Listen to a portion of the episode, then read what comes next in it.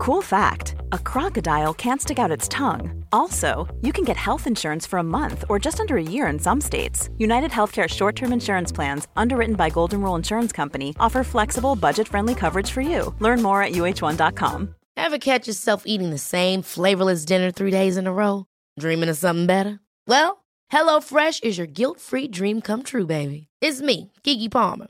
Let's wake up those taste buds with hot, juicy pecan crusted chicken or garlic butter shrimp scampi. Mm. Hello Fresh. Stop dreaming of all the delicious possibilities and dig in at HelloFresh.com. Let's get this dinner party started. I'm Sandra, and I'm just the professional your small business was looking for. But you didn't hire me because you didn't use LinkedIn jobs. LinkedIn has professionals you can't find anywhere else, including those who aren't actively looking for a new job but might be open to the perfect role, like me. In a given month, over 70% of LinkedIn users don't visit other leading job sites. So if you're not looking on LinkedIn, you'll miss out on great candidates like Sandra. Start hiring professionals like a professional. Post your free job on linkedin.com/achieve slash achieve today. Veckans sponsor är Telia. Hos Telia samlar man mobil, bredband, IT-support, mobilväxel, allt som gör företagande enkelt. Och det är just det här att samla allt på ett ställe, att ha någon att vända sig till när det inte fungerar, det är Telia. Ett exempel på vad som inte är Telia, det är ju som när jag lyckas boka förmötet för en poddinspelning med Finansinspektionen till efter själva inspelningstillfället. Eller när jag här, här året var liksom, fick för mig att jag skulle börja springa, så jag är liksom ute och springer taggad, träffar en kompis som säger så du Jan, på måndag ska jag springa ett lopp. Och jag känner så här, ja men det låter inspirerande, så jag käkar pasta, jag byter om, tar mig ner till Malmö stadion för att göra en efteranmälan, står där i kön och sen så när jag liksom anmäler mig så tittar de på mig och säger så här, du Jan, vårhuset är bara till för kvinnor. Och eh, det var, det var typisk en situation som inte är Telia. Oavsett, ett stort tack till Telia som sponsrar, gör Rika Tillsammans möjligt, men framför allt tack till dig som lyssnar, följer och eh, hänger med oss varje vecka. Det generella svaret när man ska investera sina pengar är ju idag att tiden i marknaden, alltså tiden pengarna får jobba, är viktigare än att försöka tajma marknaden. Men det är såklart det matematiska, rationella svaret. Det emotionella kan ju vara ett helt annat, att det är bättre att sprida ut det över tid, men fortfarande inte försöka tajma marknaden. Du lyssnar på Rika Tillsammans-podden som handlar om allt som är roligt med privatekonomi. I den här podden får du varje vecka ta del av konkreta tips, råd, verktyg och inspiration för att ta ditt sparande och din privatekonomi till nästa nivå på ett enkelt sätt. Vi som gör den här podden heter Jan och Caroline Bolmesson. Idag är dags för avsnitt 219 Mm. och jag tänker att det blir en liten fortsättning på förra veckans eh, frågor och svar. ja. ja. För att vi fick in så mycket frågor både på Instagram och på, på Facebook eh, som vi liksom hann inte besvara alla i förra, Nej. förra avsnittet. Men kommer vi besvara alla? Nej, vi kommer inte hinna det. Nej, nej. Inte ens med detta avsnittet. Nej, Nej. utan, utan eh, några får vi, liksom så här, där kan jag faktiskt rekommendera forumet. Ja. Att några av de frågorna som vi inte hinner kommer vi länka till forumet för att forumet är liksom helt fantastiskt. Vi började ju det för snart ett år sedan. Var På- hittar man nu forumet? Ja, på riketillsammans.se forum, eh, eller man kan ha sån här app. Och forumet är helt enkelt alltså ett ställe liksom där vi mycket pratar om ekonomi, pratar om eh, investeringar, pratar mycket bilar, var det i somras. Bilekonomi. Investmentbolag, till exempel det avsnittet vi gjorde här, del tre om investmentbolag, var ju en diskussion som tror. Så att det är verkligen högt, högt Ja, till det, är många, det är många som ställer frågor, också nybörjare. Det är inte så att man måste vara proffs för att Nej, vara nej, där nej, ställa tvärtom. frågor eller svara på någons fråga. Nej, nej, Nej. verkligen inte. Utan och många frågor är sådana frågor utan rätt svar. Ja, Liksom, så här, hur gör ni? Så här tänker vi. Hur skulle man kunna göra? Jag har denna bilen, vad tycker ni? Eh, liksom. Eller, och sen är det konkreta frågor, så här, vilka finansiella rådgivare rekommenderar ni? Det var en tråd jag svarade på i morse till Mm. liksom, Mm. mycket om Tesla, eh, enskilda. Ja, Nej, och bilen, Tesla-bilen. också. Och, ja, men allt och mycket hållbart sparande. Ja, men allt sånt som är roligt. Mm. Men det som är extra kul är att där hänger faktiskt en- också en hel del proffs i forumet eh, som Mm. jobbar och vad i finans. för, alltså, vad menar du med proffs då? Är det Nej, sådana som har att- Som jobbar inom Eh, som jobbar inom finans. finans. Mm. Så att där är några liksom så riktigt bra diskussioner som är liksom så på nivån att ja, men du hittar inte en bättre diskussion om till exempel hur mycket exponering ska man ha mot sin hemmamarknad eller hur, eh, hur ska man eh, då, hur får man den bästa riskjusterade avkastningen eller hur mycket ska man exponera sig mot tillväxtfonder? Alltså lite mer så att det är verkligen lite allt, djupare eh, diskussioner för den Mm. som tycker det är kul också. Mm. Bra, men jag tänker att vi kör igång här med eh, första frågan från Tjuskinella. Alltså det kommer vara lite märkliga sådana namn, men jag tror att det är från Instagram. Eh, och jag fick utbildning av Caspian där också, att man, man har två namn. Så jag, jag vet inte, jag, Ja, jag men kan, vi, ja. vi löser det. Nu är Tjuskinella. Ska jag läsa Kyskinellas fråga? Om man sparar i de fyra hinkarna och mellanriskhinken blir full, slutar man spara i den då? Ja, det korta svaret är ja.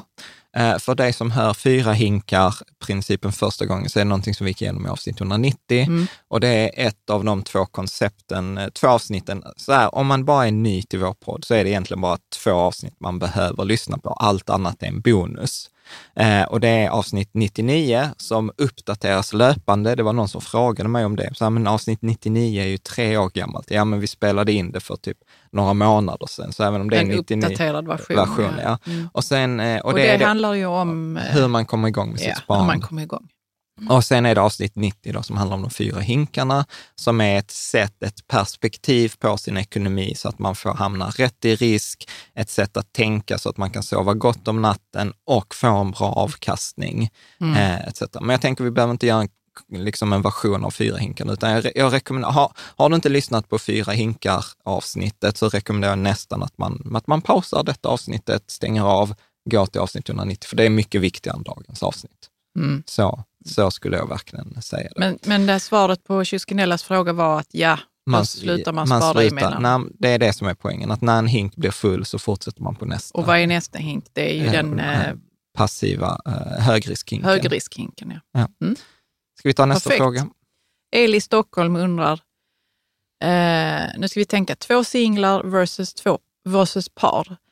Hur mycket mer kan man spendera eller spara vid parrelation per månad eh, om man är ja, i par eller om man är singel? Mm. Mm. Alltså, jag tänker ju så att detta är ju så här omöjligt att svara på eftersom vi inte vet liksom, förutsättningar. Men generellt så skulle jag säga att man tjänar väl aldrig så mycket pengar som när man är dinkis. Alltså, Double där- income, no kids. no kids. Ja. Och, och sen är det ju så här, flyttar man ihop, då är man ju två om matkostnader, man Ja. är två om boendekostnader, man är två om bil.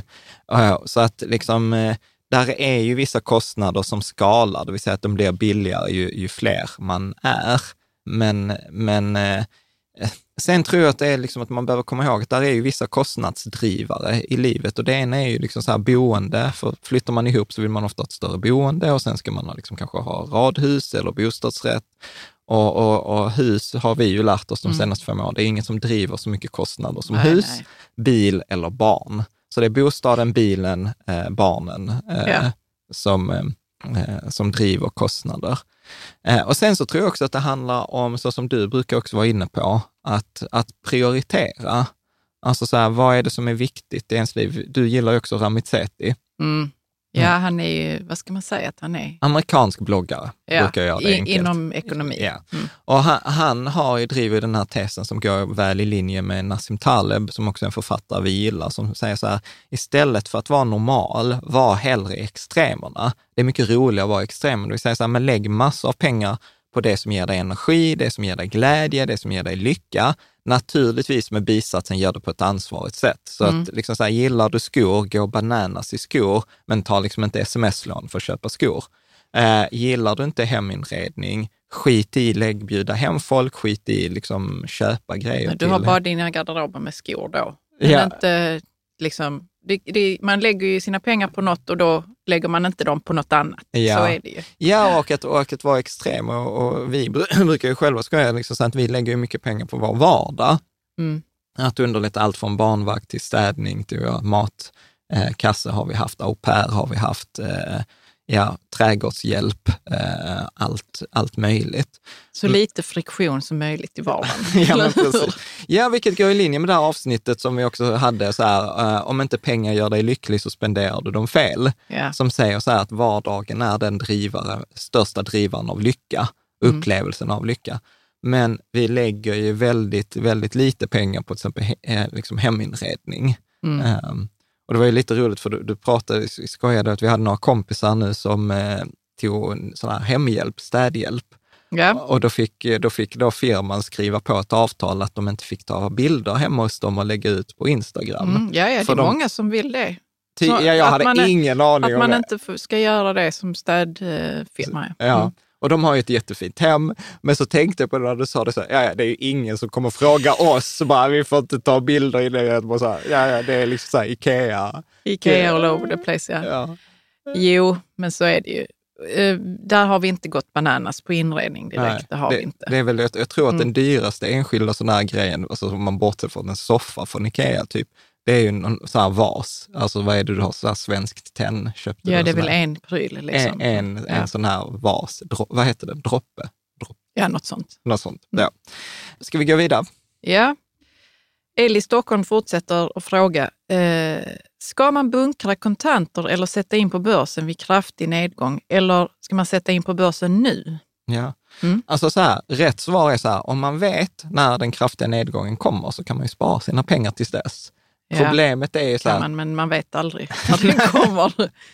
nej men precis, så att, och eftersom man inte vet det, eh, liksom, och eh, så är det bästa man kan göra är att spara regelbundet, eller egentligen, så här, om, om man omformulerar frågan till sig så här, om jag har en hög med pengar, vad ska jag Mm. göra med den? Ska jag sätta in den på börsen nu, trots att det kanske är hög värdering, eller ska jag sprida ut den över tid, eller ska jag vänta på en kr- kraftig nedgång?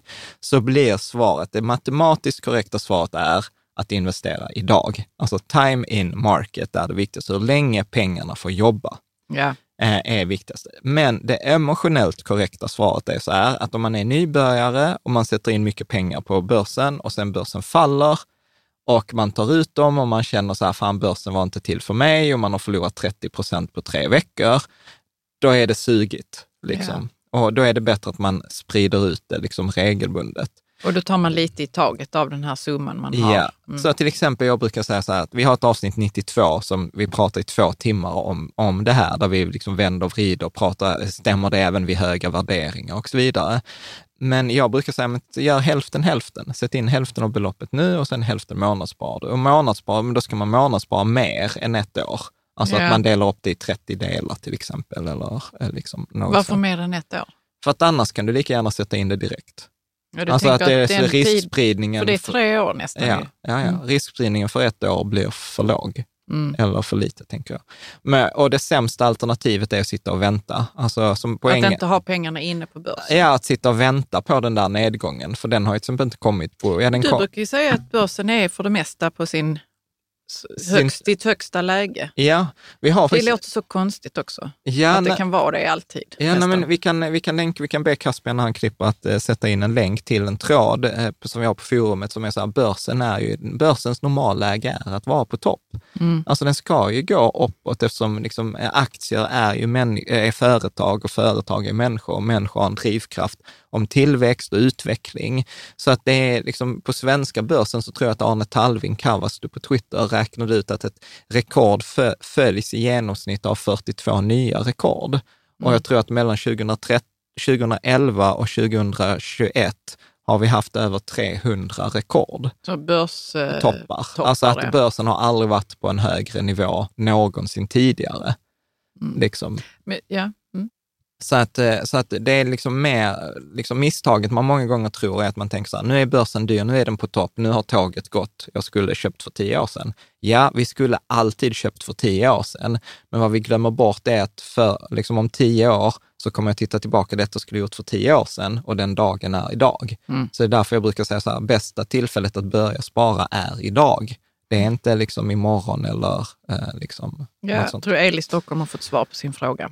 Yes, ska vi ta nästa? En till här. När går brytpunkten för att antingen välja att målspara i aktier eller fonder eller sparkonto? Vad menar eh, Eli Stockholm med brytpunkten egentligen? Jag vet inte riktigt, men eh, om, om jag ska gissa. Målspara. Så, ja, men jag brukar Mm. säga så här, när, när ska man lägga pengarna i aktier, när ska man lägga på sparkonto? Mm. Så brukar generella tumregeln är ungefär 10 procent i aktier per år i sparhorisont. Så har jag ett mål som jag ska ha pengar till om tre år, att vi ska flytta ihop om tre år eller jag ska gå i pension eller jag ska, där är någonting som händer om tre år. Ja. Då är det max 30 procent av aktier och 70 procent på sparkonto. Mm. Det skulle jag, eh, så skulle jag säga. Så att det är tiden som styr och tiden är viktig. Alltså jag brukar säga att tiden är ju småspararens bästa vän. Tiden jämnar ut avkastning, tiden minskar risken, tiden gör det mer rimligt att förutsäga vad det kommer att bli. Eh, liksom, eh, så att, ja, nej, men tiden är superbra. Ska vi ta nästa Fråga. Nästa fråga. ja. Känns som att idag har vi ändå ganska bra tempo. Bra tempo, ja, det är inte för mycket utsvävningar. Sima undrar, hur kopplar man kredit till konto på Nordnet eller Avanza? Och jag tog med denna frågan, inte för att jag vet hur man gör detta på rak arm, men för jag brukar säga så här, jag rekommenderar alltid kontakta Nordnet eller Avanzas kundtjänster. Mm. De är superbra. Och väldigt Eh, trevliga och duktiga. Ja, Mm. eh, och man kan göra det oftast både via mail eller via kontakt eller via telefon. Eh, så att eh, alltid när det är sådana här frågor, ring, ring till kundtjänst. De är där för att hjälpa dig och mig. Och Men jag- vad är det här med att koppla kredit till konto? Men så att man kan använda, alltså, de flesta av oss är ju ganska vana vid att man kan ha ett hus och att man kan låna med huset som Ja. säkerhet. Mm. Det är det som kallas för pantbrev. Liksom, typ. Mm. Man kan ju göra samma sak med aktier. Att aktier all, egentligen är det ju så rent ekonomiskt, alla tillgångar är belåningsbara om de är likvida och värda något för någon annan. Då kan någon annan alltid säga, jag lånar ut pengar, om du inte kan betala så tar jag din säkerhet. Alltså då tar Ja. jag dina, ditt hus eller din bil eller din, eh, dina aktier. Och då kan man ofta på Nordnet Avanza låna upp till kanske 80 procent av värdet på sina värdepapper och få ut pengar till att köpa fler aktier eller ta ut dem till kontot eller sånt. Mm. Eh, Sen får man hålla koll på räntorna och sånt för att de skiljer ju lite. Alltså går man över vissa brytgränser så blir det väldigt dyrt. Alltså viss, jag tror Avanza har att upp till 50 000 och en bra riskspridning så är det gratis att låna 50 000. Ja. Men sen om du gör liksom en dum, eh, dum allokering, en dålig portfölj, ja då plötsligt kan det kosta 7 procent. Eh, Att ha det lånet. Att ha det Mm. lånet. Så att, men jag tror att våra modellportföljer, eh, till exempel på, de har höga belåningsvärden för att de är så väldiversifierade. Ibland är det någon idiotgrej, jag vet Nordnet hade, att om man belånar våra modellportföljer, att, eh, att man inte får ha mer än 20 procent i en enskild fond. Sen kan jag ju tycka att det är ingen skillnad om jag har Länsförsäkringen Global och Nordnet Global. Det är ju samma underliggande bolag, men Nordnet tycker att det är lägre risk om jag har pengarna i två fonder än i en, trots att fonderna har samma innehav. Mm. Så att det är en sån där, jag fattar, det är en systemgrej, men, men, eh, Men det blir inte helt rätt. det, blir, det, det blir inte helt eh, rätt. Liksom. Mm. Ta nästa. Jim Nyberg eh, skriver så här. Jag vill helt enkelt skicka över en fråga eller ett förslag. Det som jag undrar är om ni tidigare har gjort något avsnitt om kapitalförsäkringar för onoterade bolag, sådant som Captena erbjuder. Eh, jag har inte satt mig in i om det finns fler aktörer. Om inte så vore det intressant att läsa eller lyssna på detta, vilket jag tror att fler än jag skulle tycka eftersom intresset för att investera i onoterat är stort. Ett avsnitt om fördelar och nackdelar med en sådan kapitalförsäkring versus vanligt konto med vinstskatt för att placera onoterade innehav i skulle nog många eh, läsare uppskatta. Mm. Ja, jag tog med denna frågan för att det är ett jätteviktigt ämne, men det är väldigt, väldigt smalt. Ja, det är smalt. Det, det är väldigt smalt.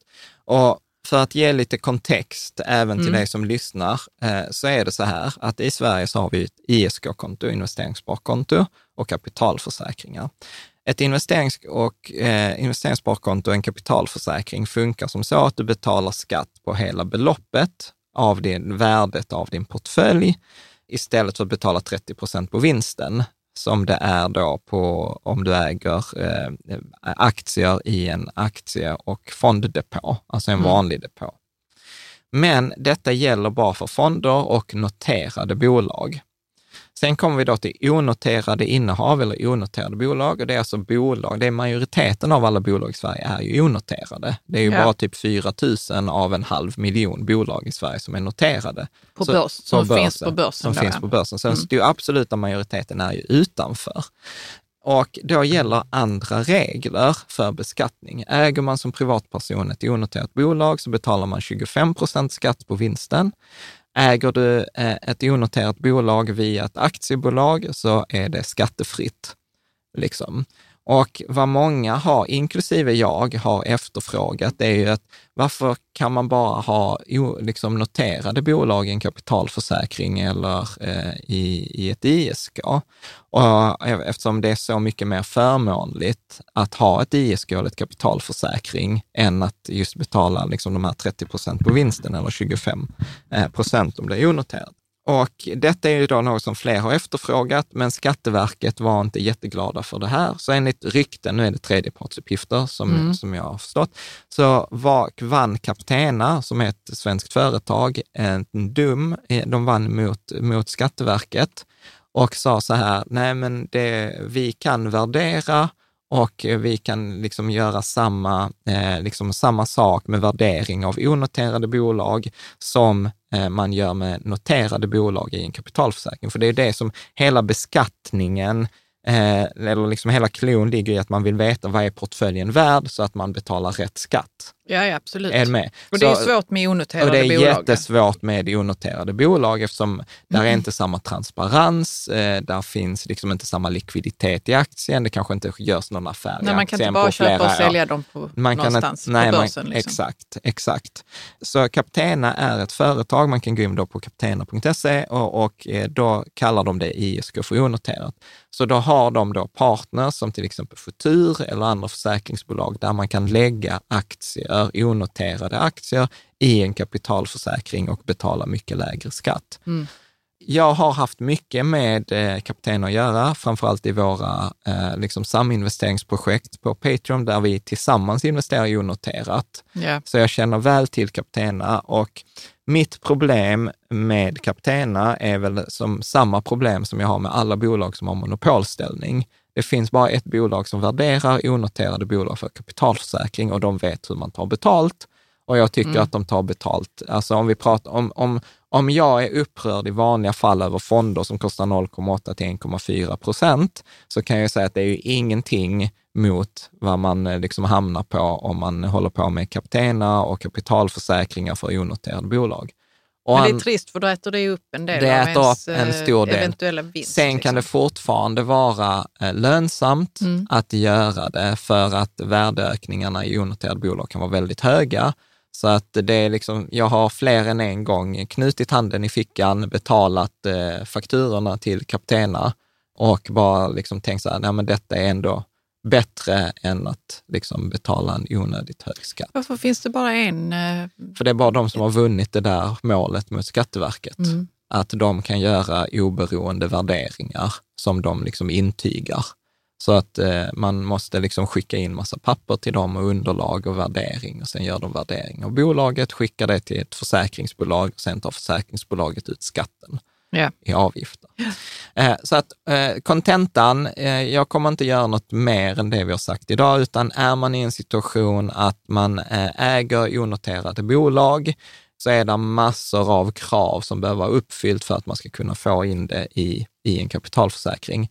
Men jag brukar rekommendera då att kontakta, de jag har haft jättemycket hjälp av är ju Realförsäkring och Finans där det är en, som heter, en finansiell rådgivare som heter Rickard Nylund, som har hjälpt oss i saminvesteringsprojekten eh, och sytt ihop just kontakterna mellan Futur, Coeli, eh, Kapten och alla de här aktörerna. Annars är det också en superbra grej att ställa fråga på forumet. Ja. Men nu tänker jag att jag vi går tyckte att det var roligt att vi tog upp det här, därför att det är ju aktuellt för kanske vissa av våra lyssnare och läsare. Det, detta är en sån där grej som de flesta inte vet om, att man kan sätta onoterade bolag i en kapitalförsäkring. Eh, och det, det, är väl liksom, eh, vad ska man säga, ett litet hörn i den svenska finansbranschen.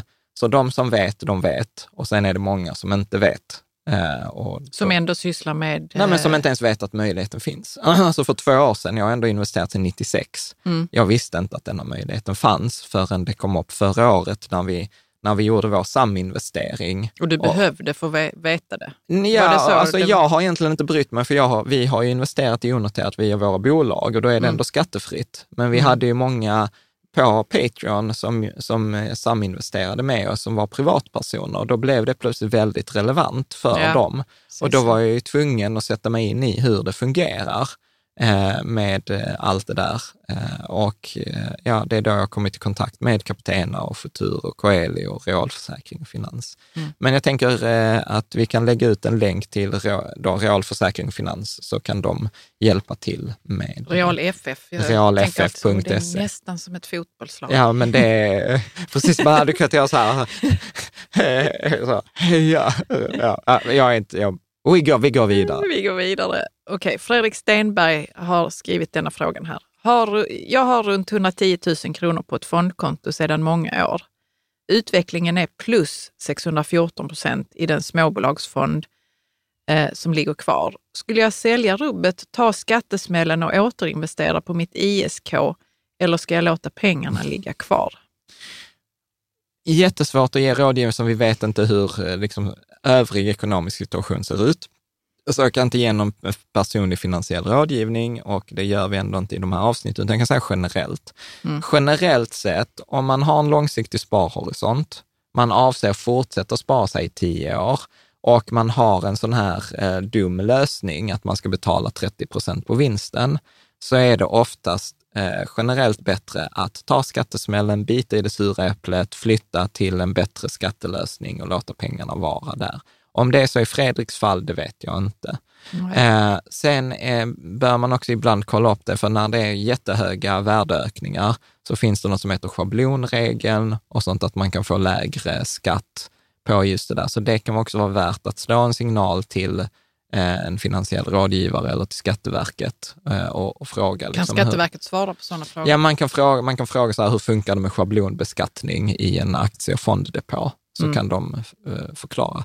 Eller så kan man ställa frågan på forumet, så kan vi säkert ha någon läsare som kan det bättre än mig. Men det var länge sedan jag hade ett vanligt fondkonto. Mm. Sen är det en annan psykologisk aspekt som man inte ska underskatta. Det är sjukt roligt att logga in på sitt Avanza-konto och se att det står plus 614 procent. Alltså om det backar med liksom eh, 10 procent eller liksom till 20 procentenheter, inte procent utan procentenheter, så ligger man ändå på 580 eller 590 procent plus. Och det är sjukt mycket enklare att behålla det än säg att han hade sålt av, eh, bytt till ISK, börjat på noll eh, i värdeökning, backar 20 procent, eh, för då står det ju minus 20.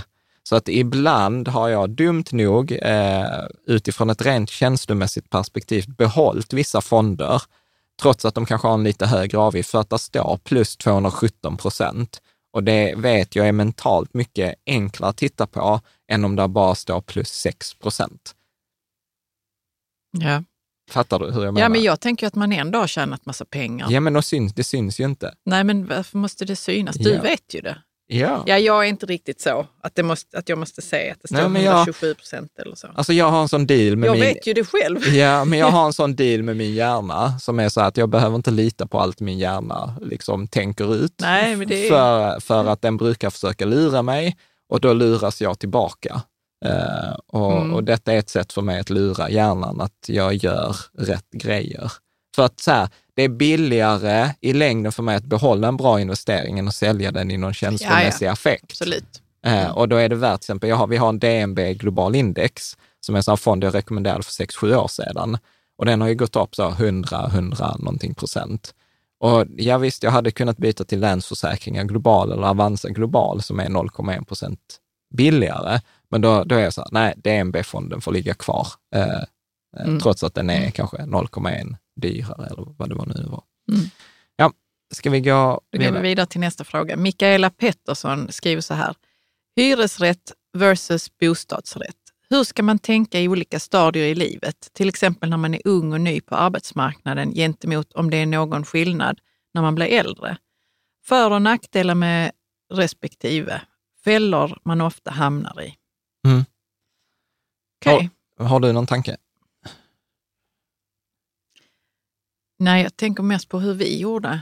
När Ja. vi var yngre så bodde vi i hyresrätt ett ett ganska bra tag. Ja. 12 år faktiskt, för att vi hade ju en stor. Och, så att det funkade för oss i en, en mängd stadier, liksom, när vi Ja. skaffade barn och så också. Ja. Men, eh, men vad tänker du? Ja, men jag tänker att eh, när man är yngre, hyresrätt absolut. Eh, alltså en hyresrätt gör det enklare att flytta till om det finns jobb, ett roligare jobb i en annan stad. Ja, och det kan ju vara så att man, håll, att man gör så när man ja, är lite yngre. Och eh, hyresrätt har ingen ekonomisk risk. Eh, det är liksom, man är inte bunden till den på, på något sätt. Den, liksom, sen är det ju svårigheten med hyresrätter, är ju att de är svåra att få tag på. Eh, liksom. Eller så är de lätta att få tag på men väldigt dyra. Men även om Mm. de är dyra så kan jag lätt tycka att det är värt det i den extra kostnaden om det är ett temporärt boende. Och, och jag tror att de flesta som vill gå på någon slags generell bild, så, så vill man ju träffa en partner och eh, liksom ha barn. Sen är det inte så alla vill ha det såklart, men om man tittar på det så, ja, att liksom bo själv, då brukar jag ofta säga så här, men hyresrätt eller liksom så här. Sen om man träffar en partner, lite beroende på hur gammal man är, hur nära barn ligger i tiden, så kan ju liksom ett, eh, ett större boende vara mer aktuellt. Alltså, ja, så här, för att försöka sammanfatta en tumregel, så den jag har hört från folk inom fastighetsbranschen, eller en mäklare och sånt, då brukar de säga så att ha ett tioårsperspektiv på ditt boende. Vad kommer hända de tio kommande åren? Eh, och ta höjd för det redan i början, så att man inte behöver flytta. Nej, Så- men precis. Och- jag, bör, jag tänker på det också, vad man är för typ av person. Alltså om man nu vill satsa på sin karriär, då kanske man måste kunna röra på sig snabbt. ja. Och det behöver inte ens betyda att man är ung. Nej. Alltså att man kan vara Ja, över ja, men- 40 liksom och fortfarande hålla på med hyresrätt för att man vill vara snabbfotad. Ja, men liksom. exakt. exakt. Mm. Eh, så, att, så att jag tänker så här, är, är man där man funderar, vi kommer nog skaffa två barn inom tio år, ja men köp ett boende som har höjd för två barn. Mm. Har man liksom så här, okej, men vi vill bo på, på landet, så här, ja men då kanske det är värt att bo dyrare i två år för att sen liksom spara extra I pengar. rätt fas kunna Ja. flytta. Ja, eh, och där gillar jag ju inte att spekulera. Jag gillar inte att spekulera i boende eller att se boende som en investering. Nej. Så att, eh, för att historiskt sett så har ju liksom priset på bostäder utvecklats i takt med inflation och löneökningar. Sen de senaste 30 åren, sedan 90-talet, har ju priserna varit eh, galna, alltså typ 9 procent om året. Eh, såg jag någon siffra, men det upplever jag inte att man kan räkna med. Och då köpa en bostadsrätt för att bo där i, i två år, för att sen flytta till, till ett hus, ja då tar du en risk. Ja, men säg att bostadsmarknaden skulle sätta sig med 10-15 procent. Ja, men det kan ju äta upp hela din kontantinsats. Mm. Eh, så att, eh, ja, Mm. Så att jag vet väl, så skulle jag väl fundera. På samma sätt som att kanske ställa sig i en hyresrättskö när man blir äldre. Att för att kunna liksom kanske få ut värdet på sitt hus eller på sitt boende och kunna använda de pengarna. Ja, Så att jag tror att det är en är bra så, tanke. så att jag skulle väl säga så här, vi göra. ja, kanske, vi får se. Bra, ska vi Ja. gå vidare? går vi vidare till Joakim Nyman som skriver så här. Vilka alternativa investeringsstrategier eller typ av portföljer rekommenderar ni för långsiktigt månadssparande eh, men med minsta möjliga administration, det vill säga ombalansering och justering av innehav med mera? Det finns nog fler med mig som inte riktigt har intresse eller tid att vara särskilt aktiv, men som ändå vill månadsspara på ett klokt sätt för ökad frihet och möjligheter på sikt. Mm. Tack. Alltså då skulle jag säga, eh, gå tillbaka till förra avsnittet, första frågan, så här, varför tror jag inte att man kan slå index? Och den här metaforen med fotbollsspelaren, eller med fotbollslaget. Och för att jag, liksom så här, förlåt jag blir upprörd här, men det blir alltid... jag, jag tycker inte du verkar så upprörd. Nej, men det blir alltid så här, om man bara läser på och lägger, lägger tid så kommer man få en bättre avkastning. För det är ju det som sägs, eller Alltså det är det, det, är som så är... intuitivt att vi tror på det alltid, Ja. oavsett om vi har fått höra att det inte är så inom Ja, ekonomi. implicit så antyder ju det här att om jag bara är aktiv, om jag bara är påläst, om jag bara engagerar mig så kommer jag få en bättre avkastning. Men, men så är det ju inte, utan det bästa man kan göra, det är ju det forskningen säger, är ju att köpa alla bolag i hela världen, i alla storlekar, i alla branscher. Och det är ju precis det som en fondrobot gör. Så många tror ibland så här felaktigt, men du vet så här, Jan fattar inte aktier eller så här, det är därför han rekommenderar indexfonder. Och jag, vet, så jag blir liksom så trött på det där. Nej, jag väljer indexfonder för att det ger mig bäst odds till noll ansträngning. Liksom. Och jag får inte bättre odds genom att anstränga mig. Och det var ju då den här fotbollslagsmetaforen vi tog upp förra gången, att, att få tro att jag ska slå liksom Barcelona eller PSG, som har liksom världsspelare som köper de bästa spelarna, som har liksom dietister, tränare, massageterapeuter, läkare, chaufförer, grässkötare eh, och gör detta liksom dygnet runt och så ska jag komma dit och anstränga mig två timmar i veckan eller två timmar om dagen eller till och med åtta timmar om dagen. Jag kommer ändå inte ha någon chans.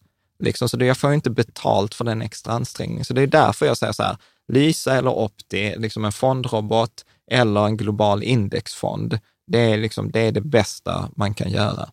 Mm. Så att det kloka svaret så här, kör Lysa. Eh, liksom. Vill du dessutom sponsra oss så kan du använda vår sponsrade länk, men det är inte ett krav, för liksom, vi har pratat om det i en massa andra avsnitt. Mm. Avsnitt 99 rekommenderas varmt. Återigen, har du inte lyssnat på avsnitt 99, stäng av avsnittet, gå till avsnitt 99. Ja, det var mitt lilla brandtal. Ja, det var ett brandtal. ja. Okej, då hoppar vi vidare.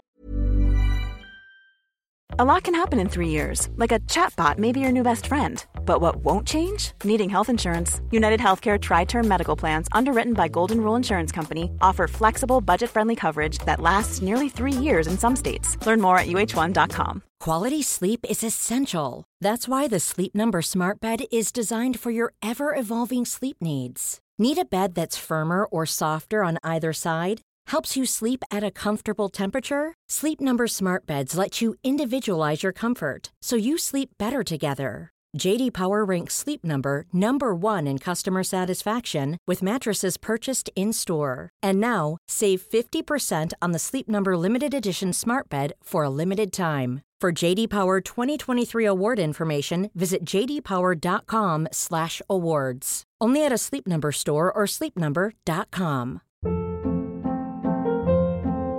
Hold up. What was that? Boring. No flavor. That was as bad as those leftovers you ate all week. Kiki Palmer here, and it's time to say hello to something fresh and guilt-free. Hello Fresh. Jazz up dinner with pecan-crusted chicken or garlic butter shrimp scampi. Now that's music to my mouth. Hello Fresh. Let's get this dinner party started. Discover all the delicious possibilities at hellofresh.com.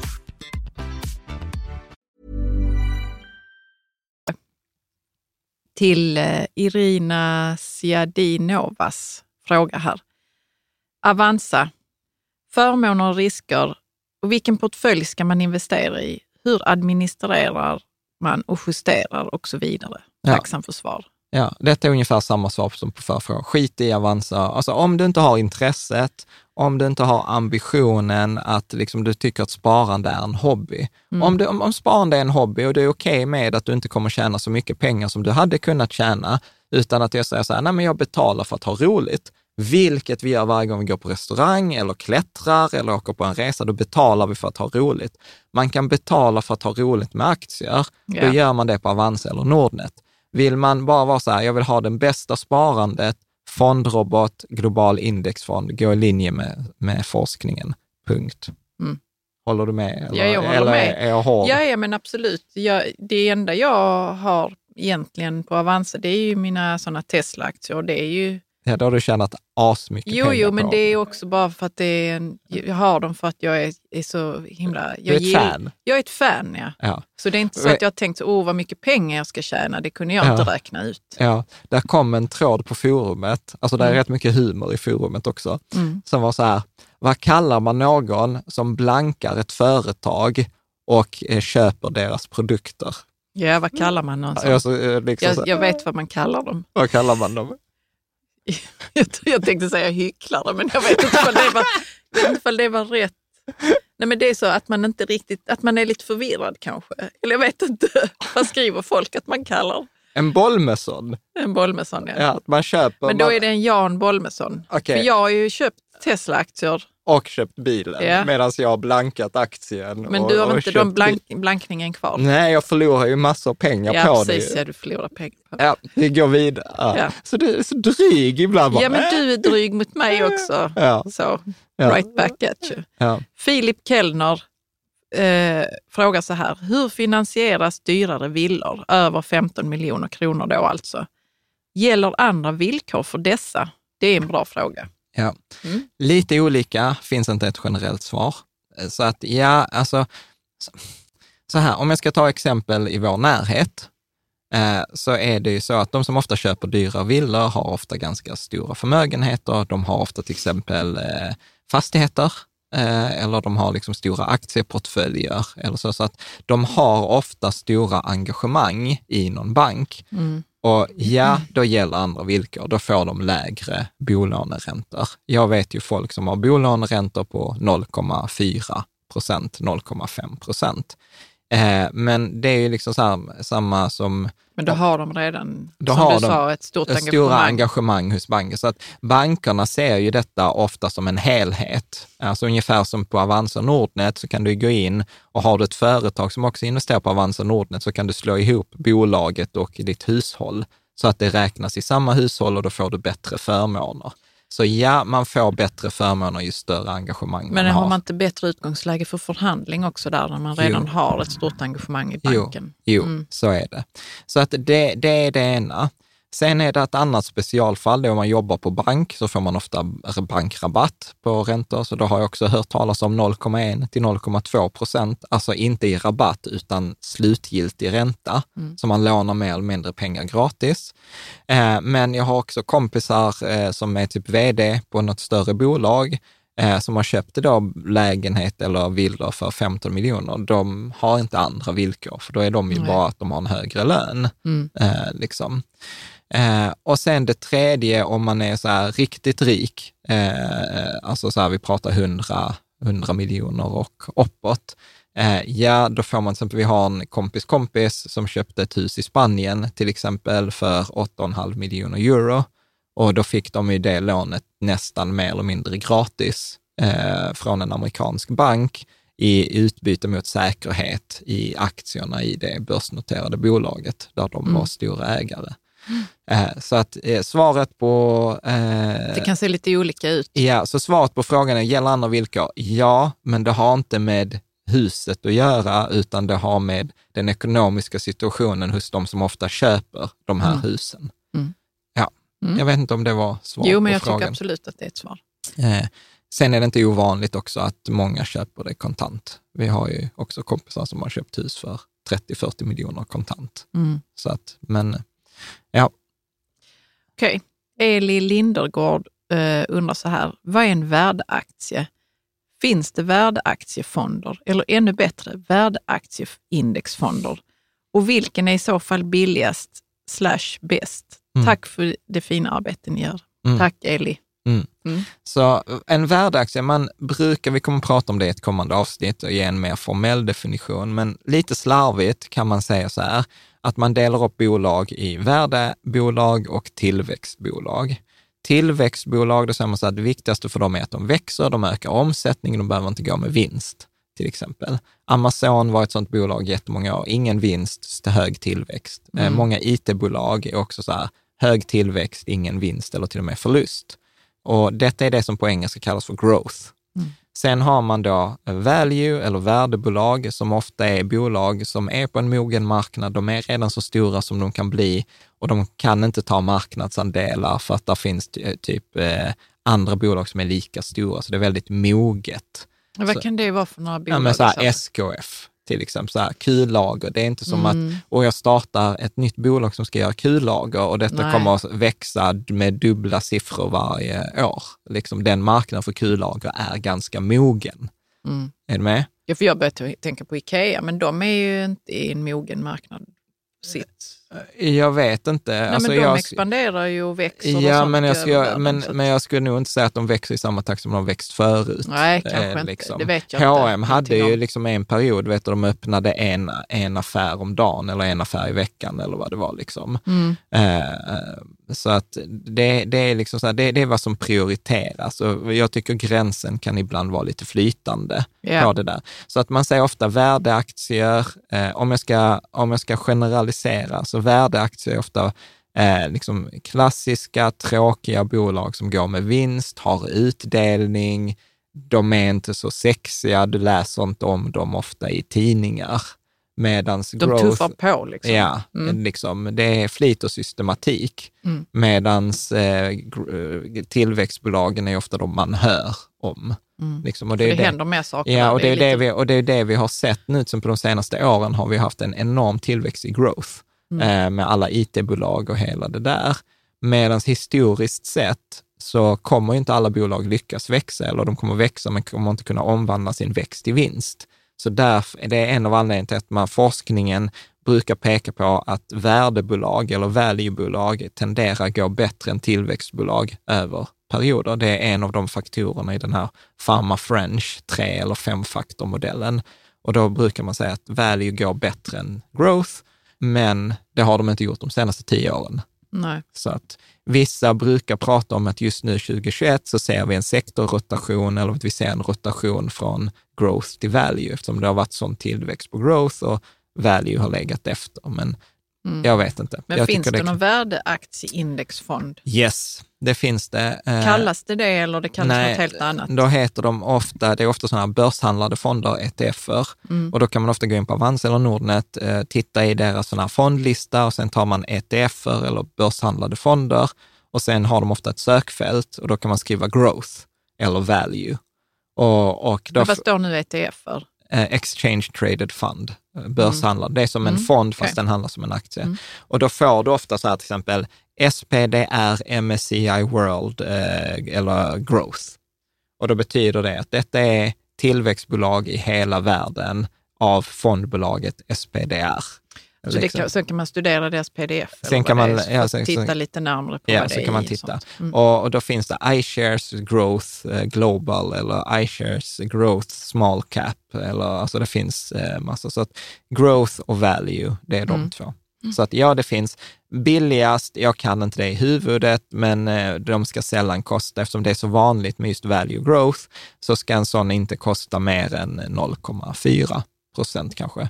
Sen får man inte glömma bort att det ofta är växlingsavgift när man köper de här börshandlade fonder på 0,25, både vid köp och sälj och lite annat sånt. Så att jag är inget stort eh, fan, men, eh, men det Nej. går att göra. Mm. Är, är, man, är man jätteintresserad av det här så har vi på Patreon, på vår community, en intervju med eh, Henning Hammar, eh, som brukar kalla investerarfysikern som driver Börslabbet, där vi hade en kväll där vi just pratade om så här strategier i value, growth och momentum och lite sådant. Mm. Och då, kan, då plockar han, hjälper han till att plocka fram just värdeaktier då, eller liksom, eh, som ja, passar. Ja. Bra. Ja. Marie Alm Centeno skriver så här. Erbjudande om att investera 250 euro i Netflix eller Amazon. Är det något ni tycker kan vara en bra investering? Alltså jag vet inte, men min känsla när jag fick den frågan var nästan så här scam. Ja, jag vet Eh, inte, var kommer det erbjudandet ifrån? Ja, ja, precis. Så att, men så här, generellt sett, jag är inget fan av direktinvestering i aktier, utan best odds eh, långsiktigt, återigen, eh, 250 euro, det är 2 500, det kan du börja sparande på Lysa. Mm. Så att jag, jag hade, hade någon kommit till mig och med den här typen av frågor så hade jag sagt att till och med frågan är förmodligen felställd, Mm. utan att eh, liksom, återigen, avsnitt 99, spara i, i, i en liksom, global indexfond. Och det är ju de facto vad en fondrobot är. Bra. Niklas Petrov eh, frågar så här. Finns en risk att ni, eh, vänta, det finns en risk att ni har pratat om det tidigare, men att jag har glömt. Om man har för avsikt att äga en semesterbostad tillsammans med andra, har ni tips på ägandeform samt hur det bäst bör drivas för att minimera trassel med underhåll etc? Oj, nej, vi har faktiskt inte pratat om det tidigare och detta är återigen en typisk fråga. Ställ den i forumet. Där finns för folk där som finnas har eh, de som har erfarenhet, av detta. Ja. Eh, Det jag brukar eh, väl säga är att, alltså så här, i specifikt i detta, nej, jag hade inte gått på någon annan bolagsform, utan äg detta privat, anlita en civilrättsjurist för att dra upp ett avtal. Och försök- Mellan parterna mellan parterna, ja. Mm. Och försök liksom, eh, jag brukar alltid säga det är bättre att ta bråket i förväg än efterhand. Mm. Och, så, och så titta på de här faktorerna. Ja, men, eh, eh, använd, ska man betala i förhållande till användning eller hur många veckor man utnyttjar? Alltså det finns, det är inte, man är inte först med det här problemet. Där Nej. finns ju hela timeshare-industrin, så jag hade ju kollat på hur ser sådana avtal ut. Eh, och sen hade vi nog ägt det privat eh, faktiskt. Sen, sen har vi ju haft något avsnitt också som tror jag heter så här, Bo gratis med Jakob och Isabelle från Mainhome, Ja. som har pratat mycket om just uthyrning och liksom semester och, och de, är, de är ju duktiga eh, på det där. Sen har vi väl konstaterat i forumet också att det generella kring att, om, att köpa semesterbostad och hyra ut, att det är sällan bra utifrån ett affärsmässigt perspektiv. Alltså jag köper detta för nu ska jag hyra ut det.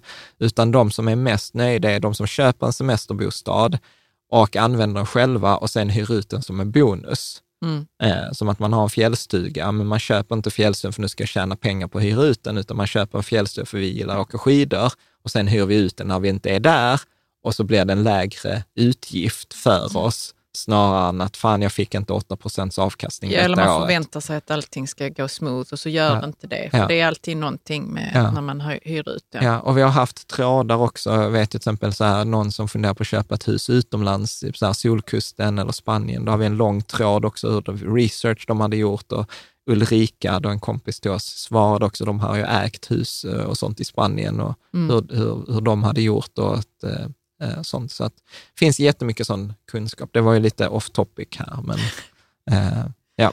Ja, då går vi vidare. Hampus Hellström skriver så här. Om man bor utomlands och bara har tillgång till vanligt, en vanlig aktiedepå, hur bör man lägga upp den årliga ombalanseringen? Ja, först hade jag också så här, kolla upp att du inte kan ha en kapitalförsäkring. Jag har någon så här svag känsla att jag i forumet har sett folk som bor utomlands men har en kapitalförsäkring. Sen är det ju vissa sådana här, eller att det kanske beskattas som en vanlig depå, men det där är struligt beroende på vilket land man bor i. Så att det, det skulle jag alltid kollat upp med en finansiell rådgivare. Vi har ju också i forumet, kan lägga ut en länk, Caspian, du får lägga ut en länk här till eh, så här, en lista på finansiella rådgivare. Eh, till exempel om man är US person, eh, för då vet jag också sån här skattproblematik. Att man bor i USA. Men Antingen har- att man är svensk medborgare som bor i USA, Ja. eh, eller man är en amerikan med amerikansk medborgarskap som bor i Sverige. Mm. Du har problem på båda hållen. Mm. Men om, om vi bara isolerar frågan här till ombalansering, så brukar jag säga ombalansera en gång om året. Och eh, vi har ju vår Excel-kalkyl, så man behöver inte sälja av allt och köpa tillbaka allt som man kan göra om man är lite slarvig i en kapitalförsäkring, utan den kan räkna ut exakt hur mycket du ska sälja på respektive fond, så att du får så ombalanseringen. samma... Ja, men så att du får ombalansering så skatteeffektivt som möjligt, för det är det som egentligen är den implicita frågan. Mm. Hur ombalanserar jag så att jag får en så låg skatt som möjligt? Men ja, det är min gissning utifrån att känt igen frågan, för det är inte det som frågas i Mm. texten. Eh, Ombalansering har vi också pratat om tidigare, vad det är för ja, någonting. det och gör vi alltid. det. Ja, ombalansering Typ är ju att januari eller vad det är. Ja. Mm. Eh, ombalansering är ju som att trycka på en reset-knapp i portföljen, att man går tillbaka till det som man har tänkt, alltså en Om man vill ha ursprungsvärde. 60 procent aktier och 40 procent något annat så, Eh, Exakt, så ska det ju vara det hela tiden. exakt. Ska vi gå vidare? Ja. Felicia Lidback undrar, jag har funderat på detta med att ni ofta pratar om att man ska starta företag för att tjäna mycket pengar, men inte alla företag har ju realistisk möjlighet att generera stora vinster. Jag är exempelvis bonde, något som är väldigt givande men inte särskilt lönsamt i förhållande till insatser och arbetsbörda. Kanske kunde ni vidga begreppet företagande? Mm. Alltså, jag skulle väl säga så här, alltså, jag, jag tror att just företagande är tyvärr en sådan sak som, eller, eller så här, det är en muskel man behöver träna. Man föds, jag tror inte att det är någon som föds till liksom företagare eller att man ser möjligheter överallt, utan att det är en muskel man tränar. Mm, Det tror jag också. För att jag köper inte den implicita antagandet här att man inte kan tjäna pengar som bonde. Ja, visst, jag fattar att jag provocerar alla bönder som lyssnar på det här just nu, men jag vet också bönder som tjänar mycket pengar. Mm. Så att det är liksom så här, ibland sätter det sig i en bransch att i vår bransch kan man inte tjäna pengar för man är inte... Man är här för hjärtat och inte Man för är här för och hjärtat. sånt. Och, Det och, finns flera branscher som är på Ja. det viset. till exempel forskning, Ja, till exempel. eh, eller konst, eller Mm. hantverk, Mm. eller sådant, utan då gäller det ju att lista ut hur kan vi göra detta hitta, hur kan vi göra en värdeförädling som gör att vi får bra betalt för det här? Och det finns, jag vet ju bönder som har gjort allt från eh, alltså beroende på vad man har för möjligheter, du vet styckat av mark eh, till att ha haft eh, liksom olika arrangemang, till att sålt, producerat när, liksom grejer på gården, till att valt, liksom haft självplock, till att ha tagit in olika liksom, aktiviteter och, och, och sådant. Så att jag tror att detta är en sån här grej att man, nästan, om jag ska överdriva, behöver, när det gäller företag, oavsett om man är bunden eller inte, att ta, ta ett eller två glas rödvin och sen kör man någon brainstorming så att man slipper den här kritikern som säger så här, så här kan man inte göra och vem tror du att du är och det är ingen som gör det här. Mm. Eh, så, att man, så att man vågar eh, liksom gå lite bananas. Alltså, ja, just i den här äh, värdeförädlingen som du ja. pratar om, att liksom, vad kan vi och, göra och, för någonting? Och just det också tycker jag väl att det blir en mental grej när man har, eller när man har startat företag eller ska göra det, ja. att man börjar tänka annorlunda då. Ja. Och Tänka som en vet, företagare. Och det är som du säger, det är en muskel. Det är en muskel och ja. man vet aldrig vad som kommer vara från början. Och grejen är att, alltså ta till exempel Elon Musk. Vi har en tråd på forumet häromdagen, där var så här, vissa som bashar, du vet så här, fan han tar av, han pratar om robot och tar upp en utklädd dansare i trikå på scen.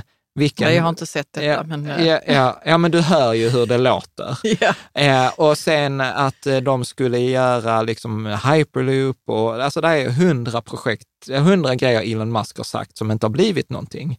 Ja, och, och så kan det vara.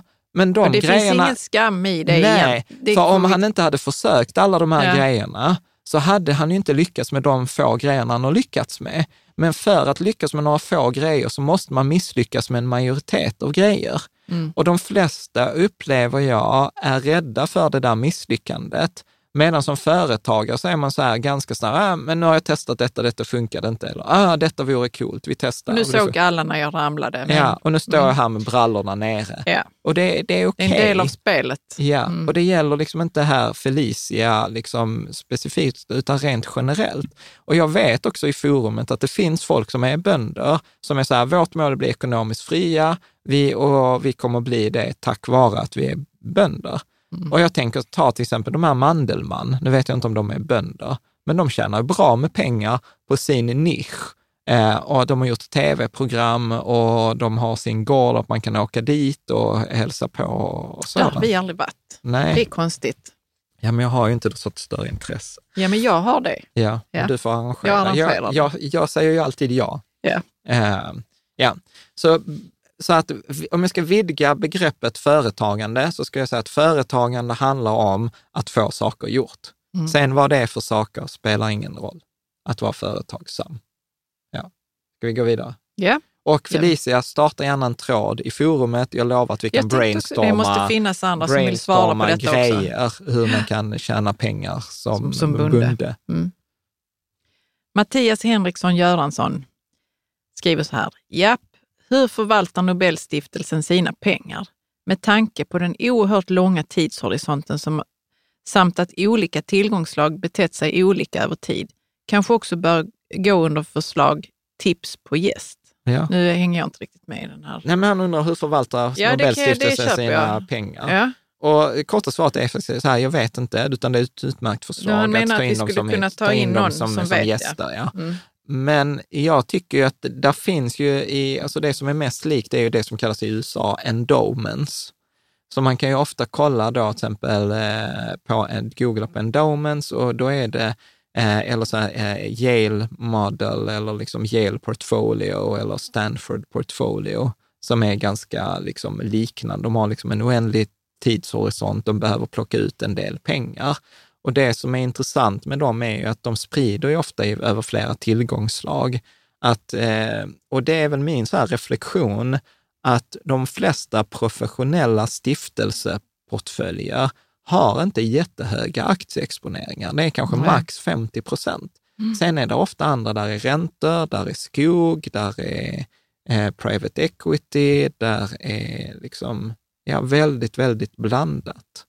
Eh, Så att, ja men jag ska säga, om det är någon läsare som har någon ingång någon. på Nobelstiftelsen så, och deras förvaltare så tar jag gärna det. Sen ska jag också säga så här att bara för att man har mycket pengar, nu gäller inte det Nobelstiftelsen, men bara för att man är en stiftelse och har mycket pengar så finns det katastrofala eh, exempel Grejer på man kan förvärv. göra. Ja. Mm. Jag har till exempel eh, en bekant som fick gå in och ta över en stiftelse där liksom vdn hade liksom gjort katastrofaffär, investerat i onoterat och krypto och liksom dyra fonder och, och, och sådant. Ja, de är ju väldigt försiktiga annars. Är väl... Nej, Nej, Nej, men jag tänker... de professionella, ja. Ja, men eh, sådana här endowments där Ja, man ja, ja. har stift, stiftelser eller. Svenska kyrkan kanske som är, investerar pengarna väldigt långsiktigt. Då är man ju försiktig väl med Ja, Ja, det om man är ansvarig. Ja, men det, men, och det är det jag menar, att man Mm. tror ju det. Men jag kan lista många exempel på Där det fond- inte är där det inte har varit Ja. så, utan man tar med sig samma dumheter som småsparare in i en stiftelse. Och jag har träffat fler än en stiftelse där placeringskommittén inte har haft en aning vad de håller på med. Mm. Liksom. Utan Mm. samma problem det återkommer i att höra. stiftelser som återkommer som småsparare. Mm. Och för stiftelser gäller exakt samma sak. Väl diversifierad portfölj, långsiktig sparande, global indexfond. Liksom. Mm. Det är förvånansvärt eh, liksom få gånger jag har hittat en indexfond när jag sett deras portfölj, utan ofta är det så här dyra fonder med 2 procent och sen har de blivit bjudna på någon middag Mm. på fondbolaget. Liksom. Känt sig lite vippade. Ja. Britta Nilsson eh, skriver så här. Hur skulle du rekommendera en person på 25 år med 5 till 10 års sparhorisont att placera sina pengar? Det är cirka 200 000 kronor. Finns det några pålitliga, helt oberoende rådgivare inom kapitalplacering som ni skulle rekommendera? Att sälja av sina fonder på aktiefondkonto, betala kapitalskatten och därefter bespara, Ja. bespara i ISK. Mm. När är det lämpligt och, kan, och när kan det vara olämpligt? Mm. Jättetacksam för svar. Ja, jag tänker att här är flera frågor i ett. Ja. Så den första rekommenderar en person som är 25 år gammal, 50 års sparare, placerar 200 000. Vad är svaret, Caroline? En global indexfond. Ja, eller en fondrobot som En till exempel fondrobot. Lysa. Mm. Eh, japp. Så då har vi klarat av eh, den. Avsnitt 99, återigen. Det, är liksom, det känns som att vi hela tiden återkommer Men till då det. kan det vara hela kapitalet? Ja, ja, alla de personen 200 har. 000. Ja, ja, absolut. Så någon avsnitt, nej, men avsnitt 190 då också med hinkarna. Så, Ja. att, så, att, så att där finns en buffert eh, och där finns ett liksom, mellanrisk och ett högrisksparande. Så att avsnitt 99 med avsnitt 190, det är alltid kombon. Mm. Liksom, det är svaret på majoriteten av frågor. Eh, finns det någon pålitlig oberoende rådgivare? Eh, kolla länk i anslutning till videon där vi har en tråd som heter då finansiella rådgivare där jag har skrivit en lista på sex stycken som jag rekommenderar. I, de har lite olika nischer. Eh, och sen har vi dessutom en tråd på forumet som heter så här, vad är värdet med en finansiell rådgivare? Där vi också diskuterar det. Och många av de här rådgivarna har jag tvingat in i forumet också. Där jag har sagt så här, jag brukar rekommendera er för jag tycker att ni är duktiga, då får ni faktiskt ställa upp och svara på frågor i forumet också. Ja, men det är jättebra. Ja, Mm. så att eh, då ska jag rekommendera där. Att säl, sälja av sina aktier, det, men det var den här frågan Vad som vi är hade med frågan där? Att sälja av Nej, sina samma- fonder på aktiefondkonto? Det är samma fråga vi hade precis här innan, att ska jag betala, sälja av och betala en skatt för att Ja. flytta till ISK? Ja, så ja, i frågan. de flesta fall är det mer lönsamt. Mm. Bra, då går vi vidare. Mm. Uh, är, Carl-Johan Forsén Erlind. här känner vi. Ja, Han har ju varit känner som honom. gäst. Ja, visst.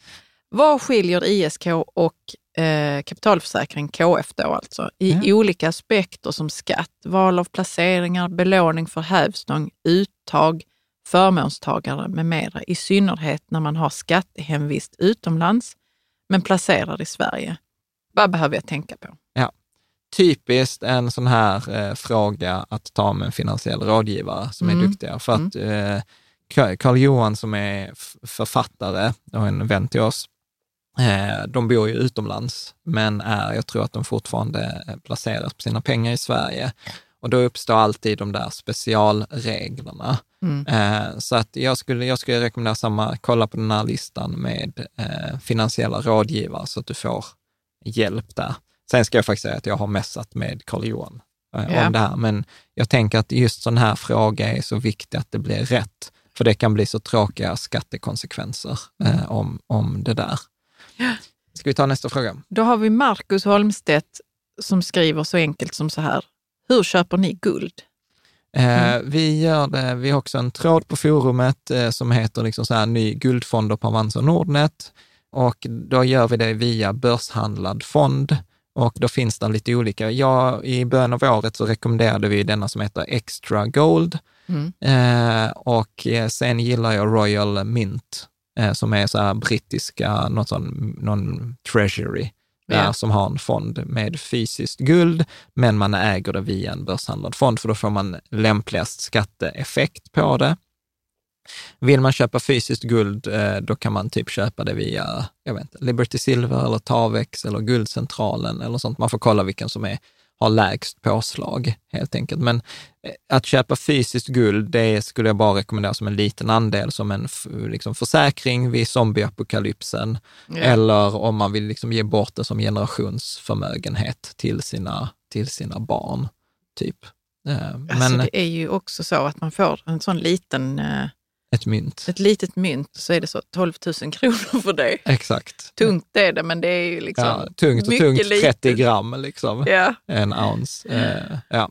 ja. Så att, men börshandlad fond är ett ISK-konto på Avanza Nordnet eh, och där finns en lista på forumet med Royal Mint eh, och Extra Gold, det är två favoriter. Eh, yes, ska vi ta nästa? Investeringsformel skriver en fråga så här. Hur ser ni på investeringssituationen i Kina? Det positivt och negativt eller andra åsikter? Alltså återigen, jag försöker att inte beblanda mig med den typen av frågor, för att de är en omöjliga att svara på. Och så blir det bara någon spekulation och då kommer jag hamna som alla andra rådgivare som uttalar sig om framtiden, att jag kommer ha mindre rätt än om man singlade slant. Mm. Eh, Det som man däremot kan objektivt sett säga, och som vi också haft en tråd på forumet, är att eh, liksom, Kina har ju inte samma rule of law som är en väldigt viktig faktor när man investerar. Alltså att staten kan gå in och plötsligt bestämma över företag på ett helt annat sätt än vad man kan göra till exempel i västvärlden. Ja. Och, och det är en risk man behöver ta hänsyn till. Och jag vet att det är folk i forumet som inte är jätteglada för eh, då Kina av just den anledningen, att det är inte konkurrens på samma villkor. Man, eh, alltså hamnar man i onåd hos den kinesiska regeringen så kan det bli svårt. Och sen är det dessutom sådana saker, detaljer, att egentligen äg, alltså detta är så oerhört komplext, eh, så jag kanske egentligen inte ska gå in på det, men du äger ju, som västerlänning äger du aldrig aktierna direkt, utan man äger aktierna typ via ombud. Så att kinesiska, det, det är klurigt, skulle jag säga. Samtidigt så är det ingen som kan ta ifrån Kina att det är där tillväxten sker och Kina har väl förutom de senaste tusen åren alltid varit den mest utvecklade civilisationen. Eh, och eh, McKinsey hade en rapport för några år sedan att det ekonomiska centret håller på att förflyttas från väst till öst. Mm. Men eh, ja, Men så- hur lång tid det tar och hur... Ingen vilka- aning. Jag, Nej, det jag, kan vi inte veta. Ja, utan därför kommer jag tillbaka till så här, köper du en global indexfond och en tillväxt med, som inkluderar tillväxtmarknader som Kina, så är det liksom den lämpliga fördelningen som man bör och kan ha, Mm. påstår jag. Så, Hallonpussen skriver så här. Vad ska man göra med de investeringsbolagen man äger? Investment. Investmentbolagen, förlåt mig. Eh, jag skulle säga så här, att gå tillbaka till anledningen till att du köpte dem. Mm. Alltså om man nu håller på med direktinvestering i aktier så måste man ju ha ett case. Varför köpte jag detta? Med vilken Men horisont någon sa köpte att det var bra. Ja, men då är det inte en anledning att Nej. äga dem, eh, tycker jag då. Utan tror man på bolaget och tror man de förutsättningarna som man köpte det vid gäller fortfarande och man tror att det kommer gälla framgent, ja men behåll dem. Om du inte vet varför du köpte dem, du vet inte varför de har, du har dem i portföljen, du vet inte hur de matchar de andra bolagen du har i din portfölj, ja då kanske det inte är något du ska äga. Eh, vilket jag påstår så är så för nio av tio personer. Och då är vi tillbaka på fondrobot eller indexfond eller liksom globalt sparande. Så att eh, jag ska säga att det beror på vad du tänkte när du köpte dem. Mm. Bra. Sara MBKN frågar. Eget ISK för pension eller till barn eller hus? Eller samma ISK med olika fonder? Nej, ja, så här, spelar egentligen ingen roll matematiskt. Eh, emotionellt dela upp det, för det blir enklare att se. Detta är Ja, mitt det är sparande för huset, detta är mitt sparande för barnen, detta är mitt sparande för pension. Mm. Så har vi gjort. Alltså jag tror vi har typ 20 ISK. Ja, vi har det. Det är så Det är Ja. därför som jag ibland undrar, var är mina Tesla-aktier? Ja, man kan döpa om sina depåer både på Avanza och Nordnet eller Lysa, så man kan Ja, sätta kan man. namn på dem. Så vi har så här, barnens sparande de inte vet om, barnens sparande, Jan pension, Karo pension, ekonom, liksom, Ja, ekonomisk frihet, ja, mellanriskinken och sånt. Mm. Så, att, eh, så döp om dem. Cheryl Live skriver så här. Är det vettigt att vara med och betala partners bolån om man bor ihop i deras bostadsrätt? Ja, inte om du inte äger motsvarande andel som du betalar ett lån på. Nej. Så att, Precis, ja. eh, så att äger, du inte, äger du inte en del av lägenheten så tycker jag inte du ska betala en del av lånet. Nej. Sen kan man däremot betala för drift och underhåll eftersom man är med och skapar slitage. Mm. Men ska man betala på bolånet då ska man äga eh, motsvarande andel, Absolut. tycker jag. Alltså det tycker jag är... Goes without saying. Ja. Okej. Bra Ja. fråga Cheryl Live. Hoppas att detta löser sig. Kommer en fråga till? Eh. Ja. eh, är, hur gör man i parförhållanden med olika inkomst? ja. Här finns det ju inget rätt svar. Nej, det finns många svar. Utan här får man ju prata, det finns också, jag vet på forumet finns alla möjliga att man betalar procentuellt, att man betalar lika mycket, att, man man, har helt där man- separata, ja, liksom, det finns, eh, man har helt eh, gemensamma. Så att jag tror att det viktigaste är att ta samtalet. Så mitt råd skulle vara här, så ta samtalet. Vi har ju två avsnitt som är så här 20 eller 40 frågor eh, om ekonomi för par, Mm. där man kan diskutera. Eh, och där är det sådana, så här, vad är viktigt för dig, vad är viktigt för oss, hur ser du på utgifter, vilka utgifter är viktiga för dig, Mm. eh, spara eller investera, vad betyder pengar för dig? Ja, och det Och så- kanske man inte behöver bara ta en gång, utan man kanske tar det någon gång Ja. då och då, liksom, för saker kan ju ändra sig. Ja, ja. Alltså vi har ju snart varit ihop i 18 år Mm. och vi har ju fortfarande eh, liksom både diskussioner och olika ja, ja, åsikter. Mm. Om. Mm. Bra.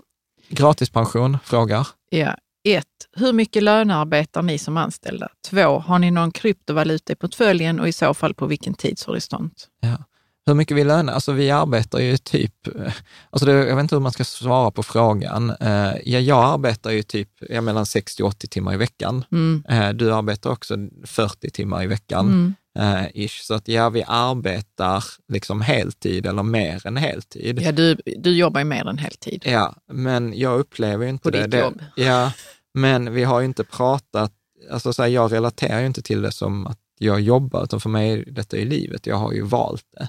Mm. Vi hade inte behövt jobba så mycket som vi gör eh, överhuvudtaget. Men för Nej, mig är men det du så här, sitter, vad vid, hade jag du gjort? sitter vid ditt, ofta 60-80 timmar i veckan. Ja. Jag jobbar 40 timmar och sen så har jag ju det andra jobbet med mark, eh, vad ska man säga, ja, familjen, hushåll. att se till att allt Ja. funkar där och sånt. Och det gör ju du också Ja. från tid Men vi är, annan. inte ans- liksom. vi är inte anställda i något annat bolag än vårt eget. Ja. Så att vi har ju oerhört mycket frihet i Ja. att välja. Mm. Så att eh, det är ju optional att vi Vissa saker måste dock hända, så att det, det, och det är inte optional liksom, Ja. på något vis. Ja. Hur mycket kryptovaluta har vi? Vad är det som inte är optional? Nu blir jag ju nyfiken. Nej, men alltså, jo, det är klart att det är mycket som är så att vi kan välja själva, men Ja. vi vill ju spela in podd varenda vecka. Ja.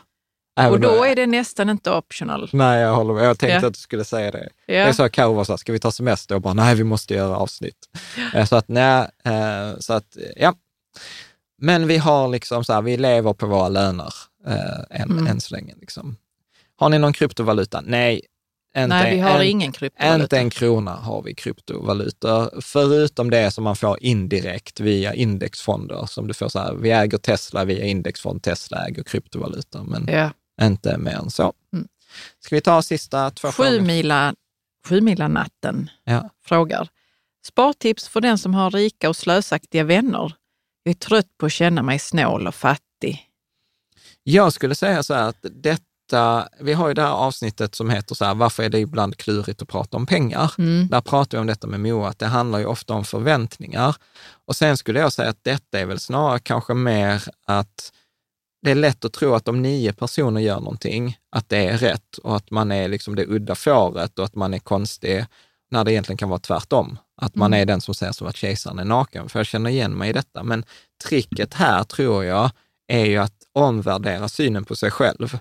Man behöver inte vara snål och fattig, utan jag är ansvarig och långsiktig och Ja, går absolut. efter mina drömmar och prioriterar det som är viktigt för mig både på kort och lång sikt. Ja, och det kanske de här rika och slösaktiga vännerna också gör på sitt sätt. Ja eller inte? Eller inte, jag vet inte vad, vad som menas med slösaktig, men sen är man ju vänner också av andra anledningar för att man gillar varann och Ja. då, då ska man ändå kunna liksom se Jo, varandra men- utan att det här filtret med pengar kommer emellan, tänker jag. Ja, och då är, då är vi tillbaka på avsnittet med Moa. Ja. Så där, varför är det klurigt att prata om pengar?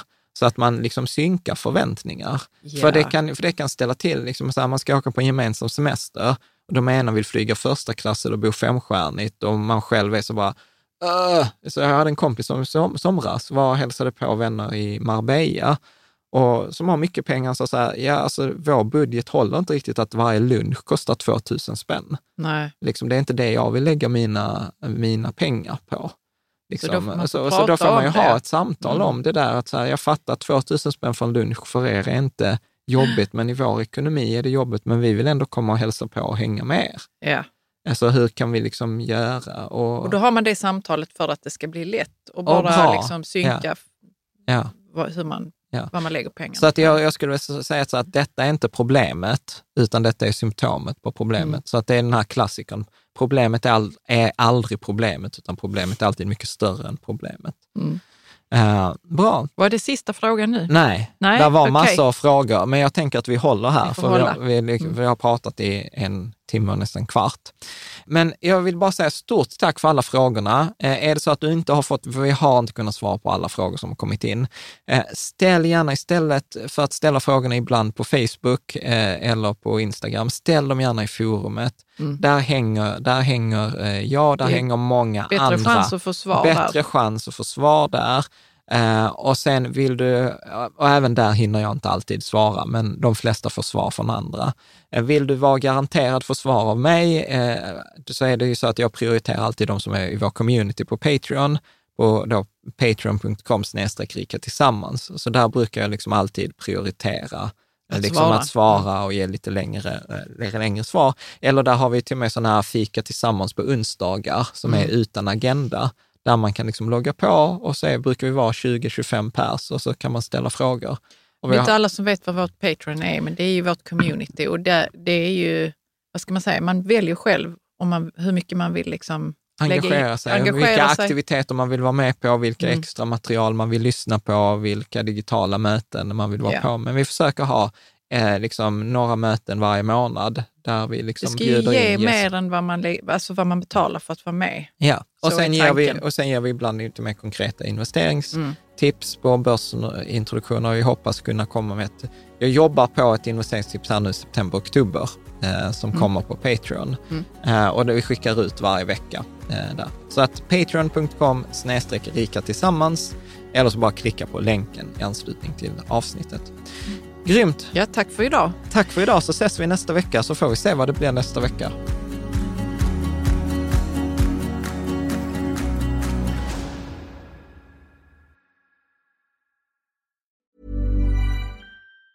Ever catch yourself eating the same flavorless dinner three days in a row?